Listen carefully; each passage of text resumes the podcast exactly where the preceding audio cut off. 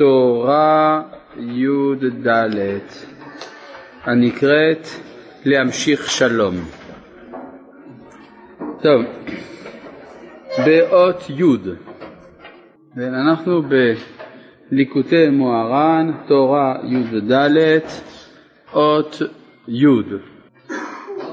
לא, סליחה. כן, י', כן. מה? לא סיימנו את הסוף של ט'? אז נקרא עוד פעם את ט'. כן, דיברנו שכדי להמשיך שלום בעולם, אז uh, צריך להעלות כבוד השם יתברך לשורשו היינו ליראה. זאת אומרת, שלום באמת יכול ליכון רק מתוך שמו של הקדוש ברוך הוא שנקרא שלום, וכדי שיהיה שלום אז uh, צריך שיהיה כבוד לקדוש ברוך הוא. כדי להיפגש עמו, אבל הכבוד לא מספיק כי הכבוד מרחיק ויש צורך להעלות את הכבוד לשורשו, שזה היראה. כלומר להפוך את הכבוד למשהו באמת, שזה היראה. והיראה מקרבת. ברגע שאדם מתקרב יש שלום, אבל יש עוד תחנת ביניים, הוא צריך גם לעשות שלום בתוך עצמו. זה נקרא שלום בעצמיו. אם הוא עושה שלום בתוך עצמו, אז הוא יכול גם להתפלל. ברגע שהוא יכול להתפלל, אז הוא מגיע לבחינת יראה. על ידי התפילה הוא מגיע גם לשלום בכללות המציאות ולא רק בתוך עצמו. אז אם כן, השלבים הם, אם אני זוכר טוב, צריך שפלות, מתוך שפלות האדם מגיע לשלום פנימי, מתוך שלום פנימי לתפילה, מתוך תפילה לשלום עולמי. בסדר? זהו. התפילה היא היראה, שהיא הכבוד וכו'. בסדר? טוב. וזה שאמר, עכשיו אני חוזר לאות ט', לפי הבקשה של הציבור. וזה שאמר רבב אבר חנא אמר לי ההוא תיעה אתה ואחבילך יחיד דנשקי הרעה ורקיעה בהדדה. כלומר, זה רבב אבר חנא אומר שאיזה בדואי, איזה סוחר ישמעאלי, אמר לו בוא ואראה לך היכן נושקים הארץ והשמיים ביחד. כן, כלומר זה בציור של פעם, כן, שהארץ היא שטוחה ויש עליה אה, כיפה ויש נקודת מגע בין הארץ לבין הרקיע. אז איפה זה נוגע? אז הוא הלך לשם, אז לי וחזאי, הלכתי וראיתי. דעביד קווה קווה, שזה עשוי חלונות חלונות. למה יש חלונות חלונות במקום ההוא? בגלל שזה המקום שבו החמה יוצאת כל בוקר. אז יש, כל, כיוון שכל בוקר החמה יוצאת ממקום אחר, יש 366 חלונות, כדי שלחמה תהיה אופציה לצאת משם, שנאמר ובוקע חלוני רקיע. שקליטה לסלתאי והנחתה בחבתא דרקיע, לקחתי את הסל שלי, שבו היו מצרכי המזון שהייתי צריך אותם, והנחתי אותם בחלון של הרקיע, שהיה באותו מקום. ועדד מצלינה בעיתה ולהשכחתי. אחרי שהתפללתי, חיפשתי את הסל ולא מצאתי אותו. אמרי איכא גנבי אז אמרתי לתיעה, לבדואי הזה, מה יש פה גנבים? אמר לי, גלג, אמר לי גלגלה דרקיע הוא דהדר, זה, הוא אמר לו זה רק גלגל הרקיע שמסתובב, כלומר אתה שם את זה בחלון של הרקיע, אתה לא שם לב שהשמיים מתחילים לזוז, נתר עד למחר כי אשתר ומשכח לה, תחכה עד מחר, כמו היום, באותה שעה, אתה תמצא את זה, זה יחזור, רקיע מסתובב, אתה תמצא את זה. עד כאן הסיפור של רבא בר חנה. אז מה זה דנשקי הרע ורקיעה? זה בחינת שלום בעצמיו. כן, הרי יש שלום ממרומיו, נכון? אבל צריך לעשות שלום עלינו. אז אם נשקי הרקיע ושמיה, רקיע וסליחה והרעה, אז זה מקום של שלום. עכשיו, פה הוא מסביר מה זה ארץ ושמיים, אין הכוונה לארץ ושמיים, אלא הכוונה לגוף ולנשמה. איפה הוא לקח את זה? כתוב בגמרא מפורש במסכת סנהדרין, יקרא אל השמיים מעל ועל הארץ לדין עמו, לדין עמו, אז יקרא אל השמיים מעל, אומרת הגמרא, זה נשמה. שמיים בגימטריה הנשמה. השמיים בגימטריה הנשמה, ואל הארץ זה הגוף שנושא את הנשמה, וזה מה שאומר כאן, הרעה זה בחינת גוף, רקיעה זה בחינת נשמה, כמו שכתוב, יקרא אל השמיים מעל זה הנשמה, ואל הארץ זה הגוף, כמו שכתוב בסנהדרין דף צדיק א' עמוד ב', או שיש ביניהם שלום, וזה נשקה, מה זה נשקה? הם מתנשקים, סימן שיש ביניהם שלום. על ידי זה אבידי קווי, אז דווקא מתוך כך נעשים חלונות, כלומר לא שהם היו עשויים חלונות, אלא הנשיקה בין השמיים לארץ, כלומר בין הגוף לנשמה, היישוב הדעת הזה בין שני חלקי האדם, הוא זה שמביא בסוף לזה שנעשים חלונות. מה זה חלומות? על ידי זה נעשה תפילה. כן, החלון זה תפילה. מובן. כן, זה המקום שפרוץ, כלומר אפשר דרך החלון להעביר משהו. אז זה נקרא קאווה. בבחינת וחבין פתיחין ליה בעיליתה, כמו שכתוב בדניאל גם כן, שכשהוא היה מתפלל, היו לו, בעלייה שלו, בקומה שבה הוא היה מתפלל, היו לו חלונות פתוחים. אז זה נכון שהיו חלונות גשמי, גשמיים פתוחים, אבל למה זה צוין בתנ"ך? כדי שתדע שהוא עשה חלונות ברקיע. ושקליט לסלטאי ואנחה בחבטה דרקיע. לקחתי את הסל, שמתי אותו ברקיע, בחלון של הרקיע, מה זה שהוא לקח את הסל, שגם התפילה שלו, שהייתה מכוונת לפרנסה, הרי אדם מתפלל גם על הפרנסה שלו. הוא, רבא בר בר חנא, היה כזה צדיק, שכשהוא היה מתפלל אפילו על הפרנסה הוא התכוון רק לדברים רוחניים ולא לדברים גשמיים, ואז הוא חשב שעל ידי ריבוי רוחניות הוא יזכה לפרנסה. כן, כמו שמספרים על איזה אחד יושב ליד השדה שלו, ממתין, אומרים לו מה אתה עושה פה? הוא אומר התפללתי, אני מחכה שהחיטה תצמח. כן, אבל אתה לא זרעת, צריך לזרוע, צריך לחרוש. כן? אז מה, צריך להיות גם ציוני. מה אתה אומר? למה לא להגיד שהוא בכלל מה ש? זה עדיין פנייה כלשהי, להגיד שבגלל שאני רוחני מספיק יהיה לי פרנסה, הוא פשוט שכח גם פרנסה. לא, הוא חשב, לא, הוא חשב שעל ידי הרוחניות הכל מסתדר. זה משהו כתוב כאן. אמור להיות ככה. אמור להיות ככה, אבל זה לא נכון, הנה, זה מה שהוא אומר, כן, ושקליתי סלטאי ואנחה בקרתא דרכיה. סלטה זה פרנסה, כמו מי שיש לו פת בסלו. היינו שלא רצה לעשות בשום עסק מעסקי העולם הזה, רק בשביל נשמתו. גם כל תפילותיו לא היו אלא בשביל לקשר נשמתו. אפילו אלו התפילות המפורשים בתפילה שהם לצורך הגוף, כגון רפאנו, ברך עלינו, ושאר צורכי הגוף. לא היה כוונתו של רבא בר חנא בשביל גופו, אלא בשביל נשמתו, שהיה מכוון לפרנסת נשמתו ולרפואתה. כן, הוא, מה אני צריך בשביל נקניקיות? העיקר זה רוחניות.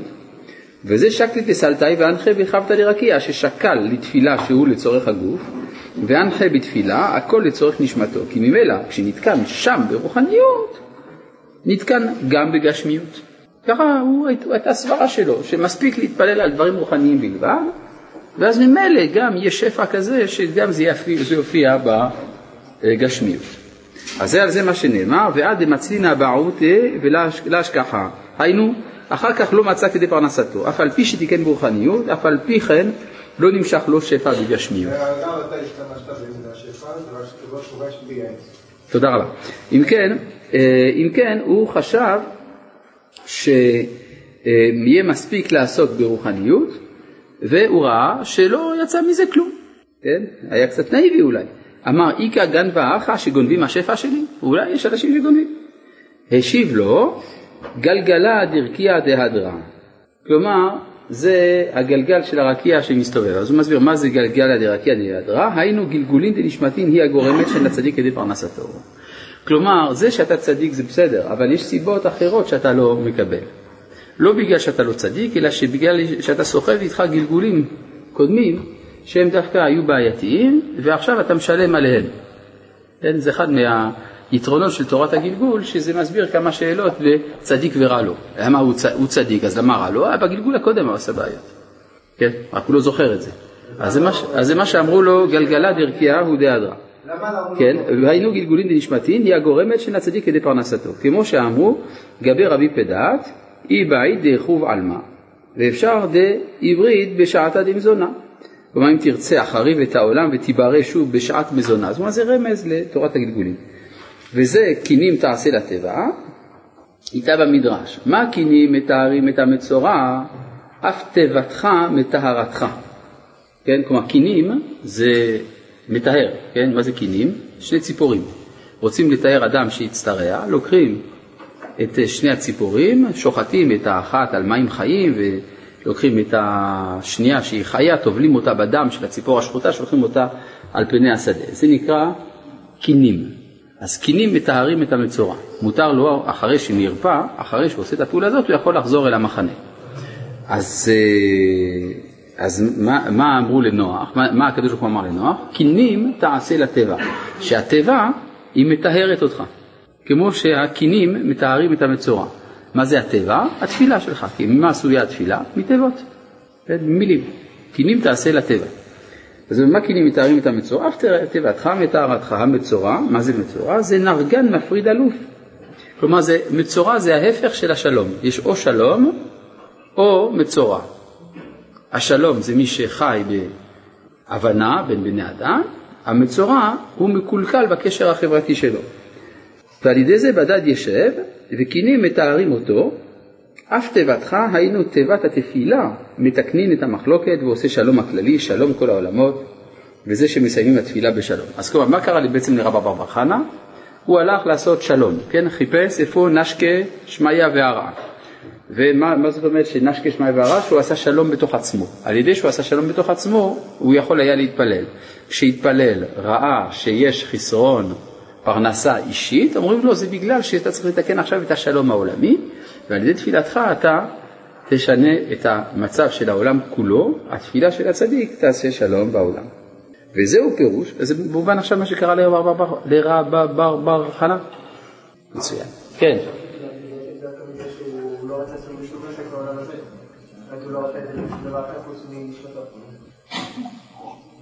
יפה, כלומר הוא לא רצה אה, לעשות בניינים פרטיים, הוא לא היה אגואיסט. אז מה, אדם שהוא לא אגואיסט, אז מה? הוא אידיאליסט.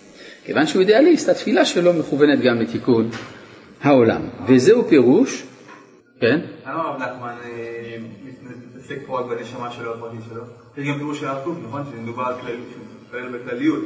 הוא היה כולו כללי, אנחנו עכשיו לומדים את הפירוש של רב נחמן על ההגדה של רבה ברבר חנה. אני שואל למה רב נחמן אומר, הוא מתעסק רק בפרטיות הנשמתית שלו, לא, לא מדבר באופן כללי. למה אדרבה, הוא מדבר על זה. לא, אומר... כי הוא אומר על ידי זה נמשכים גם גרים תחת כנפי השכינה וכולי. אבל התפילה שלו הייתה רק על הנשמה שלו, על החיבור והנשמה שלו, כמו שהוא אמר מקודם. זה נכון, זה נכון. נשמתו. כן, נכון. זה נקודת המוצא. זאת אומרת, אדם קודם כל מטפל בפרטיות שלו, אחרי זה בכלל. כן? זה בחינוך, זה תמיד ככה. כן, פעם מישהו שאל את הרב צבי יהודה, שהוא נתן איזו הדרכה פרטית, אז הוא אמרו לו, אנחנו תמיד מתחילים עם הכלל, לא? אמר לו, בחינוך מתחילים בפרט. כן, הרב צבי יהודה אמר, נכון. טוב. וזהו פירוש, עכשיו הוא מסביר על פי זה את הפסוק, תקעו בחודש שופר בכסה ליום חגנו. אז כל מה שאמרנו עכשיו יוסבר גם דרך הפסוק הזה. מה זה תקעו? לשון שלום. המילה תקעו פירושה שלום. למה? כמו שכתוב, ותקעתיו יתד מקום נאמן. בחודש שופר בהתפארות חדש, היינו התעלות כבודו על ידי התקרבות הגרים ובעלי תשובה. בכסה זה מבחינת יראה שהוא שורש הכבוד, וכיסא לשון התקסיה. זאת אומרת, מה הוא אומר? הרי אמרנו שצריך, ל... כשיש כבוד אמיתי לשם יתברך, באים הגרים. נכון? אמרנו את זה. כדי להגיע לכבוד האמיתי צריך להפוך את הכבוד ליראה, נכון? גם זה אמרנו. אז מה שאומר, ועל ידי זה נעשה שלום בעולם. אז תקעו, איך תגיעו לשלום? בחודש שופר על ידי התפארות חדשה, כלומר על ידי שיתרבה הכבוד באופן חדש, בכסה על ידי היראה. כי כסה פירושו יראה. למה? כי זה מלשון איתקסיה, שזה בחינת דבר המסור ללב, נאמר בו ויראת מאלוהיך, שזה הדבר המפורסם מעין כל. ליום חגנו, ליום זה השלום העולמי, כי עד עכשיו דיברנו על השלום הפרטי, שלום בעצמה. עכשיו צריך להגיע לשלום בעולם כולו. השלום של העולם כולו נקרא יום. זה בחינת שלום בית, כי יום הוא בחינת אור, כמו שכתוב, ויקרא אלוהים לאור יום, ואור הוא שלום בית, כמו שאמרו חז"ל, נר שבת קודם לקידוש היום, כי שלום בית קודם. בכסל יום חגנו, מה זה חגנו? זה בחינת תפילה. בסדר? אתם רואים, זה פשוט, הרב נחמן לומד את הפסוק הזה כמו צופן, יש פה קוד. אז הקוד זה, תקראו בחודש שופר בכסף יום חגנו, עשו שלום על ידי שהכבוד יתרבה בזה שהוא יהפוך ליראה, וזה יעשה, וזה יפתח את שערי התפילה, זה נקרא חגנו. למה חגנו זה תפילה? מבחינת תפילה עבודה, כמו שאמרו חז"ל, למה נסמכה פרשת עבודה זרה למועדים? כלומר, כל המבזה את המועדות כאילו עובד עבודה זרה, נמצא שמירת המועד, זה מבחינת עבודת המה, ואין עבודה אלא תפילה, ועל ידי תפילה יבוא לשלום הכללי כנ"ל. נמצא, מי שרוצה להמשיך שלום הכללי, צריך להעלות הכבוד לשורשו, היינו ליראה. ועל ידי היראה הוא זוכה לשלום בית, ועל ידי שלום בית הוא זוכה לתפילה, ועל ידי תפילה הוא זוכה לשלום הכללי. יפה, יפה. עכשיו יוצא לפי זה שיש לנו כאן דרך להביא שלום כללי בעולם על ידי הפיכת הכבוד ליראה ופתיחת שערי התפילה. שערי התפילה דורשים שלום פרטי, ומתוך כך על ידי התפילה מגיעים לשלום כללי והכל יפה אף נעים. אתה צודק, יום זה שלום בית. זאת התורה, שייך על פסוקים אלו. עכשיו הוא מסביר לפי זה גם אה, פסוקים נוספים. כן, אתם רואים, הוא לוקח פה מספר אגדות או מספר פסוקים, על פיהם לחזור על אותו הנושא.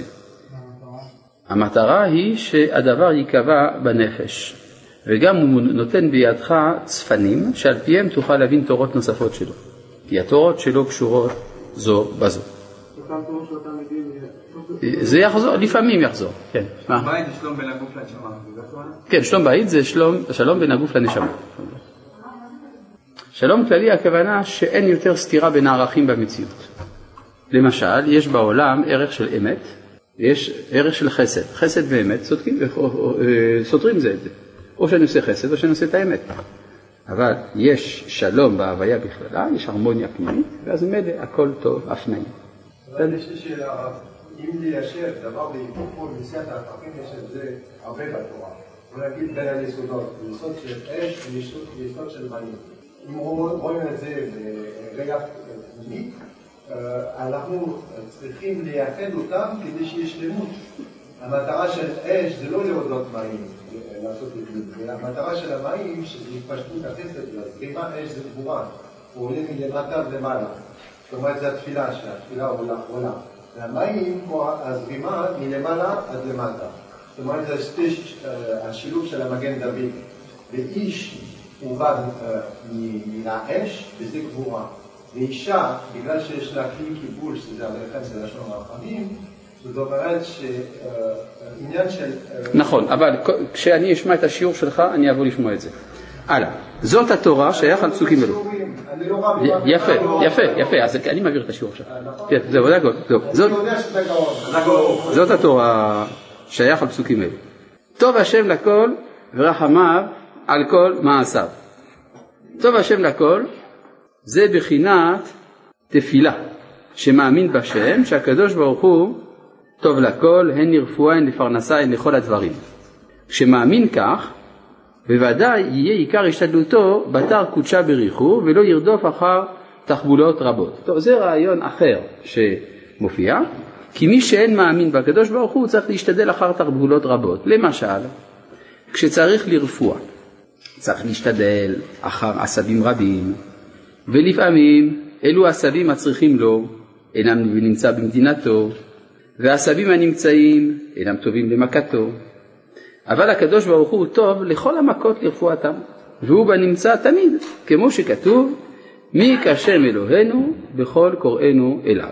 ועל ידי התפילה זוכה לשלום, אז זה, זה יש פסוק כזה, אה, ועבדתם את השם אלוהיכם, וברך את לחמך ואת מימיך, והסירותי מחלה מקרבך.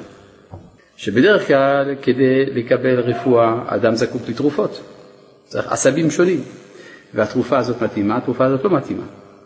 אבל על ידי ועבדתם את השם אלוהיכם, שאדם פונה אל שורש כל התרופות כולן, אז הוא בירך את לחמך ואת מימיך, שאפילו על ידי לחם ומים שאדם אוכל ושותה, דרך זה הוא משיג רפואה לכל דבר, והסירותי מחלה מקרבך. כלומר, אם אתה מחובר אל שורש החיים, אינך זקוק לענפי החיים. כן, אז זה מה שהוא אומר כאן. כן, והוא בנמצא תמיד, כמו שכתוב, מי כשם אלוהינו בכל קוראינו אליו. ועל ידי התפילה זוכה לשלום הכללי, וזה ורחמיו על כל מעשיו. זאת אומרת, טוב השם לכל, על ידי שהוא מאמין בשם, שהוא טוב לכל, ואיך אפשר שהשם יהיה טוב לכל? זה על ידי התפילה, ממילא ורחמיו על כל מעשיו שיש שלום כללי. היינו שרחמי השם יתברך יתמשך על כל הבירואים וכל הבירורים ירחמו אחד על חברו ויהיה שלום ביניהם, כמו שכתוב, וגר זאב עם כבש ונמר עם גדי ירבץ, לא יראו ולא ישחיתו, ולא ישחיתו כי יהיה שלום ביניהם, וזה ורחמיו על כל מעשיו, כמו שאמרו חז"ל, כל המרחם עליו בריות, מרחמים עליו מן השמיים, כמו שכתוב, ונתן לך רחמים וריחמך. כן, בבקשה. אז תפילה מקבילה לזה בליקוט התפילות? האם, מה? לפי מה שהבנתי בהקדמה של ליקוטי תפילות, כל תפילה מקבילה ל... לאחת התורות. אז איזה תפילה מקבילה לזה? איזה תפילה בליקוטי תפילות מקבילה לתפילה פה, לתורה פה? התפילה ה-14. בסדר? ואחר כך, לא. ואחר כך, לא, לא, אני לא מרשה. לא מרשה. טוב. ואחר כך, מפרש הפסוק, איך יזכה לתפילה? איך זה, על ידי שלום בית, יש שלום בעצמה בין גופו ונפשו, וזה יודוך כל מעשיך. מה זה מעשיך? זה בחינת עשייה, בחינת גוף.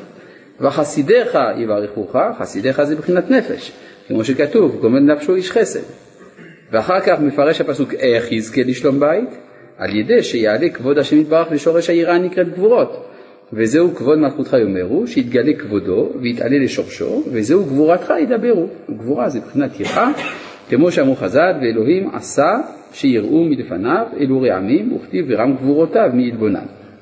כן, זאת אומרת, אה, סך הכל כל מה שקראנו עכשיו זה כמה פסוקים מתהילה לדוד, ממזמור קמ"ה, שם גם כן הוא מסביר את הקשר בין השלום הכללי לתפילה, לשלום הפרטי, שהוא שלום בית בין הגוף לבין הנשמה, שמציגים לזה על ידי העלאת הכבוד ליראה, ועל ידי זה נעשה שלום בעולם. וזה, מה? העלאת הגבורות לשורשם. אז הוא הסביר, הכוונה, לא, לא עליה, הוא לא אמר את זה. העלאת הגבורות לשורשם זה מה שהוא אמר? לא. הוא אמר על ידי העלאת הכבוד לשורשו שהוא הגבורה. כן? שהגבורה זה היראה. כן? קודם אמרת שקראת פה שבלי תפילה, הקדוש ברוך הוא לא עושה מסביב לשאר הענפים. נכון. אה, אל נא רפנה לה. אל נא רפנה לה. צריך השתדלות. אלא אם כן יש לך קשר עם הבוס. אם יש לך קשר ישיר, אתה מתפלל, זה נגמר. כן? יש מישהו, אני יודע, יש, יש לו מחלה. דבר ראשון, מתפלל. עבד, מצוין. לא עבד, סימן שצריך ללכת לרופא. כן, הרמב"ן אפילו כותב הלכה מאוד מעניינת, שביז, שלדעתו להלכה, בזמן שיש נביאים, אסור ללכת לרופא, לפני שפנית לנביא. כי הרי אם אתה חולה זה לא סתם, הקדוש ברוך הוא יש לו כוונה בזה. אז אין, לא תמיד אתה יכול לדבר איתו, אבל יש לך נביא, עכשיו אתה נביא. אה? הרמב"ן כנראה סובר שהולכים לנביא, גם בשביל דברים פרטיים, איבדתי את האתונות. נכון? בספר שמואל, יש סיפור כזה. אחד איבד את האתונות, הלך לנביא, מה, אדוני הנביא, איפה האתונות שלי? אם הנביא יגיד לך, שמע, זה לא קשור אליי, או זה למשל האישה, האישה השונמית שם, נכון? שהיא התלוננה, שהבן שלה אה, מת. אז אה, שם אלישע אומר, כשהוא רואה אותה, מגיע אליו, והשם לא יגיד לי, לא יגיד לי מה קרה. זה נושא פרטי, נכון? כל הנס הזה פרטי. יכול להיות שיש לנס הזה השלכות כלליות. מן הסתם שאותו נער שהיה צריך לקום לתחייה היה אדם גדול, אבל יש אומרים שזה היה בן אמיתי הנביא בכל זאת, כן? אבל uh, בסיפור לא רואים את זה ככה. כן? גם כשאדם הולך לבקש את הברכה של הרב או להתפלל, הוא עוד לא יודע אם הדבר שהוא מתפלל, יהיה לזה השלכות כלליות או לא. לא יודע. טוב. כן. האם הגבורה מביאה לשלום? לפי מה שלמדנו בשלושת השיעורים האחרונים, נראה לי שכן. היית בשלושת השיעורים האחרונים? מה? הגבורה מביאה לשלום, כי הגבורה זה היראה, והיראה מקרבת, לעומת הכבוד שמרחיק. הגבורה זה יראה, והיראה זה, אה, העידון של הכבוד, כי הכבוד מרחיק והיראה מקרבת, כפי שלמדנו בשלושת השיעורים האחרונים, ולכן הגבורה היא מקרבת, היא פותחת את התפילה. בסדר? כן, בבקשה. הוא אומר שכדי להגיע לתפילה צריך לעשות שלום בית, נכון? כדי להגיע ל... תפילה. לתפילה צריך לעשות שלום בית. איך אדם? לא מגיעים- אה? לא לידי התפילה, מגיעים שלום בית, אלא... האדם צריך, נכון, צריך לעשות שלום בתוך עצמו ואז הוא יכול להתפלל. זה מה שאמרו שמה, שחסידים הראשונים היו אה, שוהים שעה אחת ומתפללים, כדי שיכוונו ליבם למקום. מה זה לכוון את הלב? ליצור את האיזון הנדרש בין חלקים סותרים בנפש. הרי למשל, יש צדיקים שאצלם עיקר העבודה זה עבודת השם ביראה. עבדו את השם ביראה, כתוב. ויש כאלה שעיקר עבודתם זה עבדו את השם בשמחה. ואז אי אפשר להתפלל מתוך שמחה בלבד, אי אפשר להתפלל מתוך יראה בלבד, צריך לעשות שלום.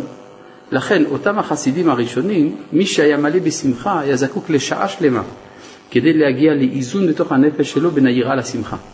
אני הרגיש הרבה שמחה, הוסיף הרבה יראה, ושוב חזר עד שכמטוטלת נעשה האיזון ואז מכוון ליבו, יכול להתפלל. וכן להפך, הצדיק השני שעיקר עבודתו ביראה. זה מסביר אגב דבר מאוד מעניין. החסידים הראשונים היה לוקח להם שעה אחת כדי שיהיו מוכנים לתפילה. אצלנו בערך שלוש שניות ורבע זה כבר הרבה. איך זה יכול להיות? מה, העבוד... מה? לא, ודאי, אנחנו מאוזנים יותר, כי אצלנו היראה והשמחה זה יראה קטנה ושמחה קטנה. ולכן כדי להגיע לאיזון זה לוקח מעט זמן. אצל החסידים הראשונים היו זקוקים לשעה שלמה, בגלל שאצלם זה היה בגדול. או, כמו שקרה פעם לרב קוק, שהוא התהלך בדרך ומישהו אמר לו, אה, כבוד הרב, הגיע הזמן של תפילת מנחה. ואמר לו הרב אי אפשר, כי אני כל כולי בוער באהבת השם, ואני חושש שאם אכנס לבית הכנסת שאשרף לגמרי. ולכן אבקש ממך שנמשיך קצת לשוחח במילי דה-עלמא, כדי שארגע, ואז אוכל למלא את בקשתך להיכנס להתפלל. בסדר? אז אצל הרב קוק באמת היה צריך איזה שעה שלמה כדי לאזן משהו. כן? יש כאלה שזוכרים רק את ה... שצריך שעה שלמה, אבל הם לא עושים כלום בשעה הזאת. כן, כמו שני בחורי הישיבה שקמים ב-11 בבוקר. אחד אומר, וואו, 11 זה נורא. השני אומר, אני כבר חמש שעות נלחם ביצר הרע ועכשיו ניצחתי אותו. כן. יכול להיות שזה בגלל שיש ירידת הדורות, בוודאי, זה זה לוקח פחות זמן. בוודאי, אבל ירידת הדורות נתנה לנו איזשהו יתרון, שאנחנו יכולים מהר להגיע לאיזון בין היראה לאהבה אה, ולשמחה. עכשיו, וזה בחינת מצוות נר חנוכה. נו, היה צריך לא? שזה יגיע בסוף. אז הגענו, נר חנוכה, שמצוותה להדליק סמוך לפתח הבית. כן? יש, אה, איפה מדליקים את הנר? סמוך לפתח הבית. האמת היא שבין בין זמן הגמרא לבין זמן רב נחמן השתנתה ההלכה במשהו. ההלכה היא על פתח ביתו מבחוץ. אבל בזמן רב נחמן לא הדליקו בחוץ, הדליקו בפנים. וזאת מדוע? משום שלא היה למי להעיר. כיוון שאנחנו היינו שרויים בין הגויים. אתה שרוי בין הגויים, אז מה אתה מדליק בחוץ? כן? בימינו הקדוש ברוך הוא שינה את המציאות, עשה שחזרנו לחיות בתוך עצמנו. חוזר הדין להדליק בחוץ. כן, ולכן כל החנוכיות מכסף וזהב וזה, טוב. עכשיו, אז הוא אומר, כי הדלקת הנר, זה מצווה, הוא כותב סמוך לפתח הבית, הוא לא נכנס לפרטים בדיוק, כן. כי הדלקת הנר הוא בחינת הארת הכבוד, בחינת והארץ האירה מכבודו. אתם זוכרים מה שהוא אמר על ההוא אורזילה, אורזילה הראם, שהוא אמר שזה הכבוד שנמצא בגלות, כי זה, הכבוד זה אור, זילה מזולזל, האור המזולזל, אורזילה. כן? אז הוא חוזר פה, הדלקת הנר זה להוסיף כבוד. גם בספר חגי, כשמדובר על בית שני. אז שמה נאמר שהקדוש ברוך הוא אה, הולך להביא, עומד להביא לתוך הבית הזה והוא מיליתי את הבית הזה כבוד. כן? מה זה כבוד? זה נר חנוכה. כן? כלומר, זה, האמת היא שאם אנחנו חושבים מבחינה היסטורית, מה עשה אה, המרד החשמונאי, הוא המעשה שגרם לניצחון המונותאיזם בעולם. בלי הסיפור של החשמונאים, מה שהיה קורה, שאמונת הייחוד של היהודים הייתה נשארת איזושהי אמונה פולקלורית לוקאלית של איזה קבוצת אנשים קטנה במזרח התיכון, בתוך האימפריה ההלניסטית הגדולה. ואז זה שיש כמה אנשים שבכפרים שלהם מאמינים שיש אלוה אחד, ואפילו עובדים לו במקדש שלהם, זה היה איזה קוריוז. מלחמת החשמונאים הייתה אה, התרסה, איזה קריאת תיגר נגד ההגמוניה היוונית. וזה מה שנתן את המעט כבוד שהיה נדרש כדי שתורת ישראל תתחיל להשפיע בעולם, וזה מה שאפשר בסופו של דבר את התפשטות אמונת הייחוד דרך הנצרות בבוא הזמן. וזאת אומרת שאלמלא המרד החשמונאי, כל ההתפתחות המוסרית-תיאולוגית של העולם הייתה מתעכבת.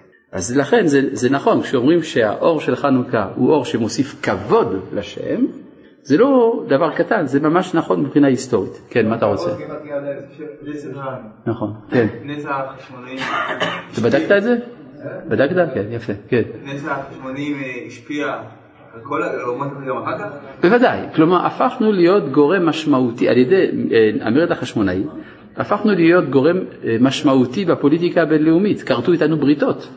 עיין בספר, בספר החשמונאים אתה רואה שספרטה שולחת אה, שליחים לארץ יהודה, או שהיהודים שולחים לספרטה, גם רומא כורתת ברית. יש מה לדבר, האם הבריתות האלה היו חיוביות או שליליות.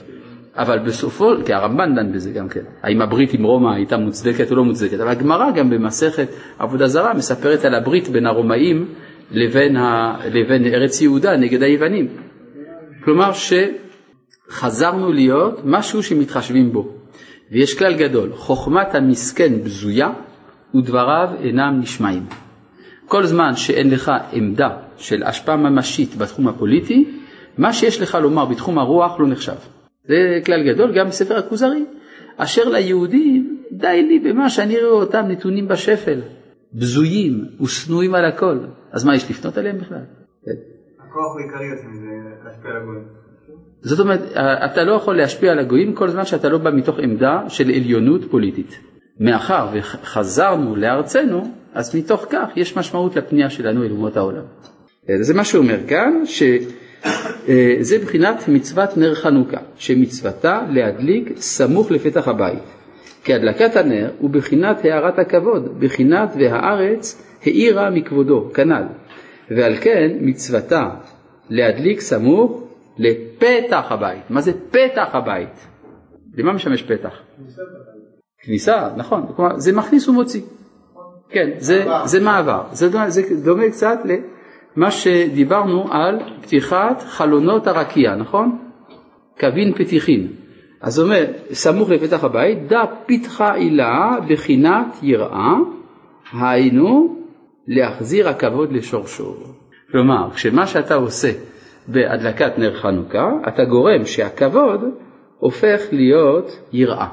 אמרנו, כבוד מרחיק, יראה מקרבת. אז אם הכבוד שהושג על ידי המרד החשמונאי הביא אה, להתפשטות אמונת השם בעולם, סימן שהכבוד הפך ליראה. ברור? אז זה מה שאומר, צריך להחזיר, להדליק סמוך לפתח הבית, דע פתחה הילה בחינת יראה, היינו להחזיר הכבוד לשורשו, דהיינו ליראה כנ"ל. ומתי עולה הכבוד? מתי הכבוד הופך ליראה בעצם? זאת אומרת, עולה הכבוד. הכוונה שהכבוד הופך ליראה כשמחזירים בני אדם בתשובה ועושים בעלי תשובה וגרים, שזה עיקר כבודו כנ"ל. זה אגב מה שעשה יוחנן הורקנוס, כידוע. כן?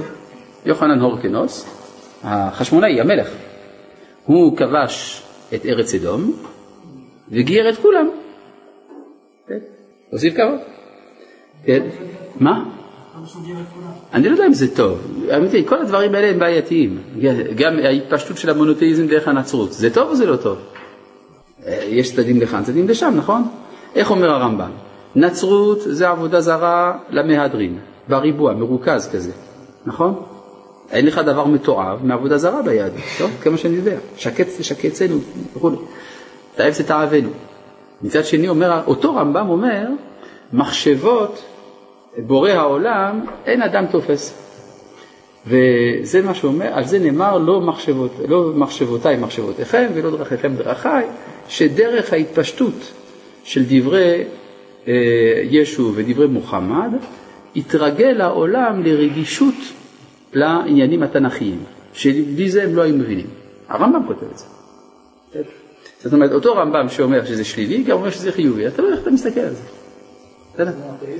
מה? מונותאיזם זה דבר חיובי, לא עד כמה שאני זוכר. האם הנצרות היא מונותאיסטית? לא. אבל היא טוענת שהיא מונותאיסטית, זה גם משהו. זאת אומרת, לא, זאת אומרת, זה להבין, הנפש הנוצרית היא נפש מאוד מיוחדת.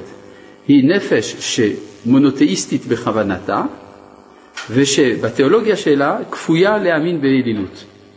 כן, זה מונותאיזם אלילי. מה? זה מונותאיזם אלילי. נו, מה אתה עושה לי פלפול? בסדר. אבנגליון זה גילוי של אבן של שקר. יפה. טוב. ומתי עולה הכבוד? אז זה משהו, אני חוזר פה לנושא. ומתי עולה הכבוד? כשמחזירים בני אדם בתשובה ועושים בעלי תשובה וגרים. שזה עיקר כבודו כנ"ל. וזה הוא שזמן הדלקת נר חנוכה, שהוא הארת הכבוד, ומשעת יציאת כוכבים עד שתכלה רגל מן השוק. טוב, האמת היא, יש מה לדון על זה, מה זה יציאת כוכבים? הרי לפי ההלכה זה לא ככה, נכון? לפי ההלכה מתי זמן הדלקת נר חנוכה? שקיעת החמה. מה? משקיעת החמה. שקיעת החמה, זה... אבל שקיעת החמה זה לא רחוק מיציאת, הכ... מיציאת הכוכבים, כן? זה, כלומר, אני מצפה לכוכבים בשקיעת החמה. לכן אפשר לקבל את מה שהוא אומר כאן על דרך הקירוב, כן? לא על דרך ההלכה. להלכה צריך להדליק עם השקיעה, כן. מה זה הכבוד? מה זה דיבור? מה המושג הזה? מה זה הכבוד? וואו, אתה חוזר לתחילת הדבר. טוב, בסדר, טוב, בסדר. הכבוד זה המודעות שלי למה שמעבר לי. הרי אנשים מוכנים לעשות שטויות בשביל הכבוד, נכון? כלומר, להפסיד כסף, להפסיד בריאות, ולפעמים להפסיד את החיים בשביל הכבוד. אז אם כן, הכבוד מורה על כך שיש באדם משהו שהוא מעבר לו. זו ההגדרה של הכבוד. בסדר? זה גם אולי לראות, אני שואל, זה כאילו לראות כל המלאכים, הוא אומר לה- להחזיר את המלאכים שקורים בעולם לשורשם. לא, כלומר שאתה צריך להחזיר את הכבוד לשורשו, כי כשיש מה שנקרא כבוד השם, שאנשים חשים שיש מציאות טרנסצנדנטית, מציאות שהיא מעבר להם, יש תחושה כזאת, זה נקרא כבוד, כבוד השם. והכבוד הזה קצת מפחיד, כן? כלומר, יש מסתורין, אני מפחד לגעת. כן? כשיש כבוד, תיזהר, איך תדע מה יקרה. היראה לעומת זה, זה התחושה שהריחוק הזה בעצמו מקרב. יש קרבה דרך היראה. ולהפוך את הכ... להחזיר את הכבוד לשורשו, כלומר, להחזיר את הכבוד ליראה. זה מה שהוא הסביר עד עכשיו. זה ברור? זה, מה שהוא אומר כל, כל אורך התורה הזאת, שכדי להמשיך שלום בעולם, צריך להשיב את הכבוד ליראה, וזה על ידי שנעשים גרים, נכון? כי על ידי הגרים מתפשט הכבוד, ואז הכבוד חוזר להיות יראה וכו', ואז יש נעשה שלום בעולם. דווקא העירה היא. מה? כן, אז זה מה שהסברנו כבר, מזה כבר שלושה שיעורים, בשלושת השיעורים האחרונים אני חזרתי על זה, טוב שאתה מבקש ממני לחזור על זה, שהיראה מקרבת, לעומת הכבוד שמרחיק. כי היראה היא סוג של אהבה פנימית. כן, זה יראת הרוממות. למשל, אם אני אוהב מישהו מאוד, אני ירא לפגוע בו, אני ירא לעשות דבר שלא יהיה כרצונו. כן.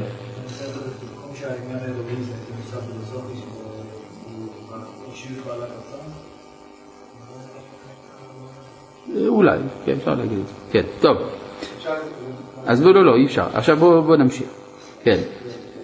לא, אבל אי אפשר. זה נכון שיש לך משהו מעניין, אבל לי גם. טוב. אה, לא, לא, לא, לא, לא, לא, לא. יציאת הכוכבים, הביטוי של האגו מתבטא בתוך הכבוד. זאת אומרת שבן אדם שהוא לא משוחרר מהאגו שלו, זאת אומרת שהוא גאוותן. הוא לא יכול להיות מחובר למקום החיים של הקדוש ברוך הוא, כביכול אצלו יש פינת הענווה. נפלא. טוב. ואני טוען שאין שום הבנה בלי ענווה, ואין שום ענווה בלי הבנה. זאת אומרת, בן אדם יותר הוא מבין יותר, יש לו סיבות להיות ענב יותר, ויותר הוא באמת ענב יותר ויותר הוא מבין. זה מעגל אינסופי. אז אני לא באתי פה בכוונה להפקיע לך חס וחלילה, אני מתחשב בגבולה שלך, אני יודע שאתה בן אדם... אתה רוצה אולי את השיעור? ענק בתורה, ואני פשוט רציתי אה, לדעת... האם אתה רוצה לתת את השיעור? לא, אני, בבקשה, בוא.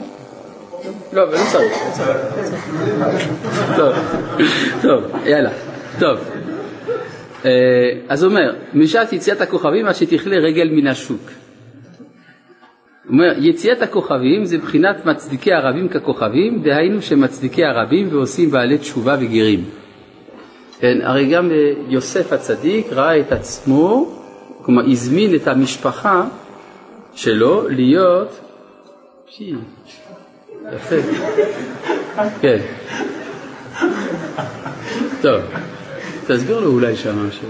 טוב, אה, יוסף הצדיק, בסדר, בסדר.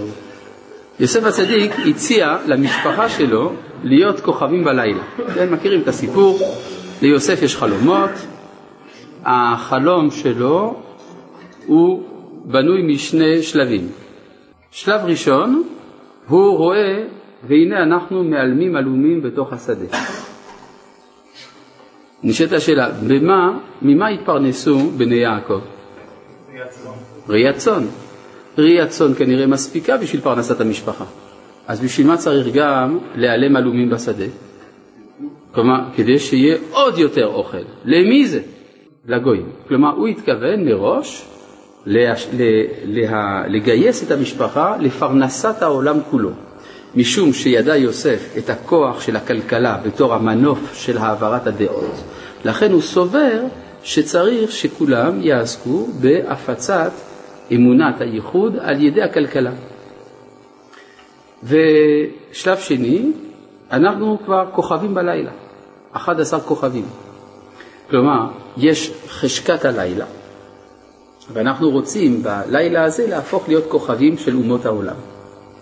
אז אמרו לו האחים, תשמע, אתה מסוכן. כי הרי הרעיון הזה של קוסמופוליטיות יהודית, את זה כבר ניסו. אברהם ניסה, ניסה אצל נמרוד, וזה לא הלך. אברהם ניסה אצל נמרוד, וזה לא הלך. יצחק ניסה אצל אבימלך, וזה לא הלך. ויעקב ניסה אצל לבן, וזה לא הלך.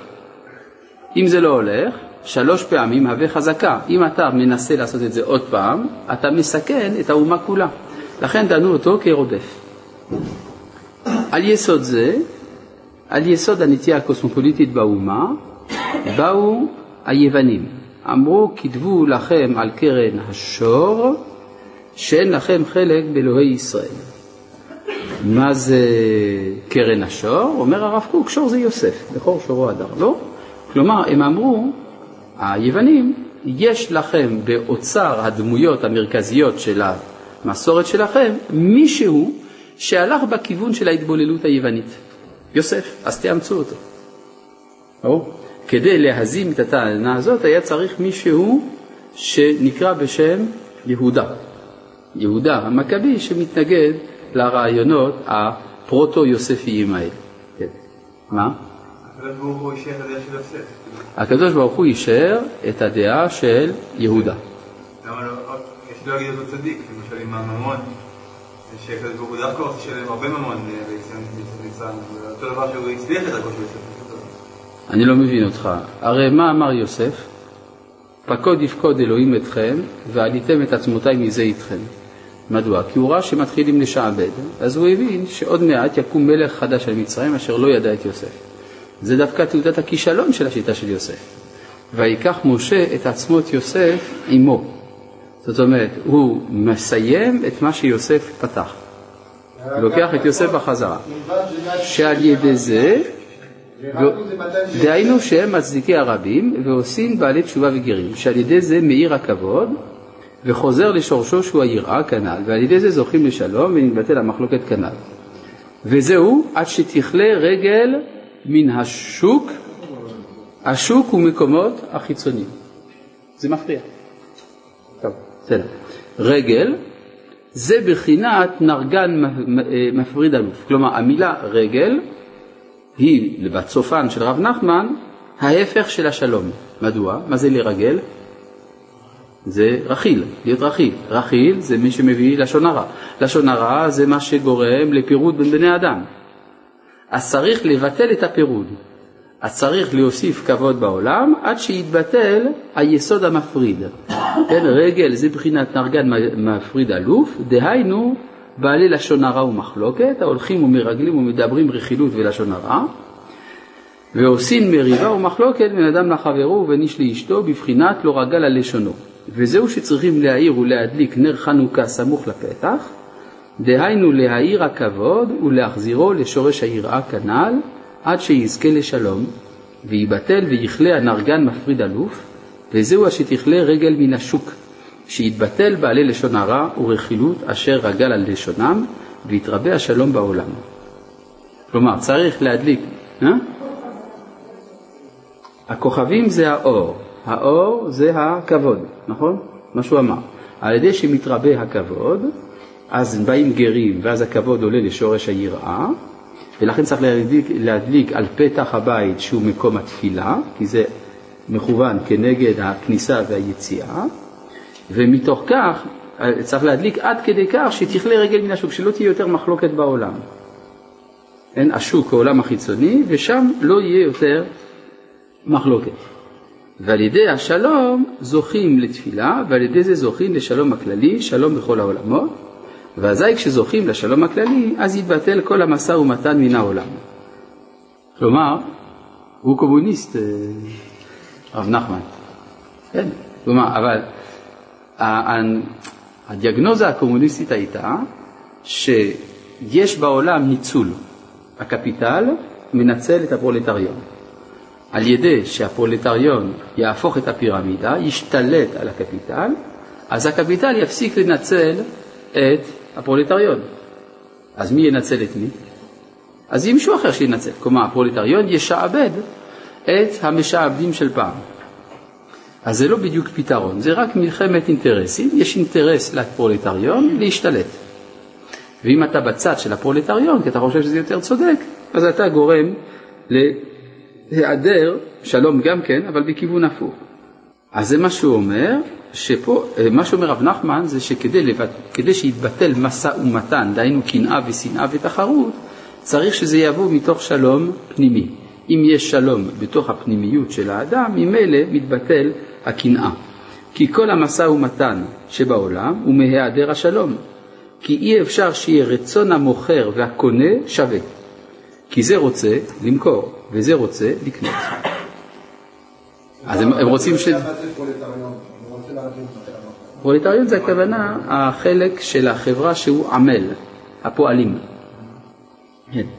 ואם היה רצונם שווה, לא היה אפשר שיהיה נעשה שום משא ומתן. נמצא שכל המשא ומתן והסחורות הוא רק על ידי בחינת מחלוקת, שאין שלום בין הרצונות. וזה בחינת ויהי ריב בין רועה מקנה אברהם ובין רועה מקנה לוט. והכנעני אז בארץ. מה זה כנעני? סוחר. כנעני בחינת סוחר, כמו שפירש רש"י על הפסוק כנען בידו מאזני מרמה. היינו על ידי בחינת ריב ומחלוקת, בחינת ויהי ריב. על ידי זה, והכנעני אז בארץ, על ידי זה יש סוחרים ומשא ומתן בעולם. אבל לעתיד לבוא שיהיה השלום המופלא בעולם, כמו שכתוב וגר זאב עם כבש ונמר עם גדי, אז יתבטל המשא ומתן, כמו שכתוב, ולא יהיה כנעני עוד בבית השם ביום ההוא כנ"ל. וזה גם כן בחינת עד שתכלה רגל מן השוק, היינו שמצווה להדליק נר חנוכה עד שתכלה רגל מן השוק, היינו בחינת שלום שנעשה על ידי החזרת הכבוד כנ"ל, עד שיתבטל כל המשא ומתן כנ"ל. וזהו עד שתכלה רגל מן השוק, שלא יישאר שום רגל, כלומר מחלוקת, בשוק, כלומר בחוץ, כי יתבטל כל המשא ומתן על ידי שלום כנ"ל. מובן? זאת אומרת, מה שהוא לוקח את הנס של חנוכה בתור ראשית ההפיכה של הכבוד ליראה, ועל ידי הפיכת הכבוד ליראה יתרבה השלום על ידי תפילה, ומתוך כך כבר לא יהיה משא ומתן בעולם, וממילא יהיה שלום במציאות כולה. בסדר? זה מה שהוא אומר. אחר כך הוא מביא עוד כמה אה, דברים, כן, שהם הרחבה של הנקודה הזאת. יש לנו, כן, עוד כמה דקות. לפי הכבוד שמכבד יראי השם, כן עלה הכבוד לשורשו. כי כל זמן שהכבוד הוא בגלות, כל אחד לפי בחינתו, כן הוא מזלזל ביראי השם. וכל אחד לפי תיקונו את הכבוד, כן הוא מכבד יראי השם, ועל ידי זה היינו על ידי הכבוד שמכבד יראי השם, שהוא מבחינת ארצת הכבוד לשורשו, היינו ליראה, על ידי זוכים לשלום כמבואר לאל היטב. כן, כלומר זה, הוא קצת מרחיב, הוא, הוא מוסיף כמה הערות על יסוד הדברים שלמדנו. כן, מה אתה רוצה? אבא אמר שהכבוד זה הכבוד האלוהי גדול, שאתה מעל הכל, ואז יראה היא מחזירה את הכבוד לשורשו, מזה שאדם כאילו... צריך לתת כבוד ליראים. כי אתה נותן כבוד לירא, לא כבוד למכובד, אלא כבוד לירא. סימן שאתה מבין שפנימיות הכבוד זה היראה. אוקיי, ושיש גם כבוד שמפוזר בארץ, זאת אומרת, הוא לא תמיד, הוא לא אדם רק רואה את זה כאילו... יש כבוד אלוהים ויש כבוד מלכים. כן, למדנו שיש שני סוגי כבוד. אז להעלות את זה לשלושו. נכון, צריך, לה- כמו שהוא הסביר באחת התורות הקודמות, תורה ו' נדמה לי, או ז', שצריך להעלות כבוד מלכים לכבוד אלוהים, וכבוד אלוהים צריך להעלות אותו ליראת אלוהים. פשוט לראות את יד השם בארץ בכל המעשים. זה לא זה-. לא, לא, לדעת שדרך הכבוד שאתה מזהה בעולם, אתה יכול להגיע ליראה. זה, זה עידון, קוראים לזה, סובלימציה קוראים לזה ב, ב, בערבית. טוב, מה? כן. אה, ועל ידי זה היינו על ידי הכבוד שמכבד יראה השם, שהוא מבחינת החזרת הכבוד לשורשו, דהיינו ליראה, על ידי זה זוכים לשלום, כמובן. וזו שאמרו חז"ל, המבזה תלמיד חכם אין רפואה למכתו, כי המבזה תלמיד חכם ומזלזל יראה השם נמצא שפוגם בכבוד, ואינו מחזירו לשורש היראה, ואזי אין זוכה לשלום, ועל כן אין רפואה למכתו, כי כל החולאים באים על ידי בחינת מחלוקת, כי כל החולאים הם בחינת מחלוקת, שאין שלום בעצמיו, והיסודות מתגברים זה על זה, ואין מתנהגים בשלום במזג השווה, ועל ידי זה בא חולת כידוע. ועל כן, כשמבזה תלמידי חכמים הוא פוגם בשלום, על כן אין רפואה למכתו, כנ"ל כי עיקר הרפואה על ידי השלום, מבחינת שלום שלום לרחוק ולקרוב, אמר השם רפאתיו, כמו שהוא הסביר מקודם. גם בעת אמירת התורה הנ"ל הזכיר רבנו ז"ל מאמר חז"ל, אין מספידין בחנוכה. יש הלכה כזאת, אסור להספיד בחנוכה. יש הלוויה, קוברים בלי הספד. ואיני זוכר מה שפירש. והנראה לעניות דעתי, כי ההספד הוא בשביל לתקן הסתלקות הכבוד. הרי אתה מספיד מישהו, הרי הנשמה שלו הסתלקה, אז אין יותר כבוד, כי הרי הכבוד של האדם זה בדרך נשמתו. אז אתה נותן לו כבוד כדי לתקן את הסתלקות הכבוד. אבל בחנוכה לא צריך. למה? כי כל חנוכה זה כבוד.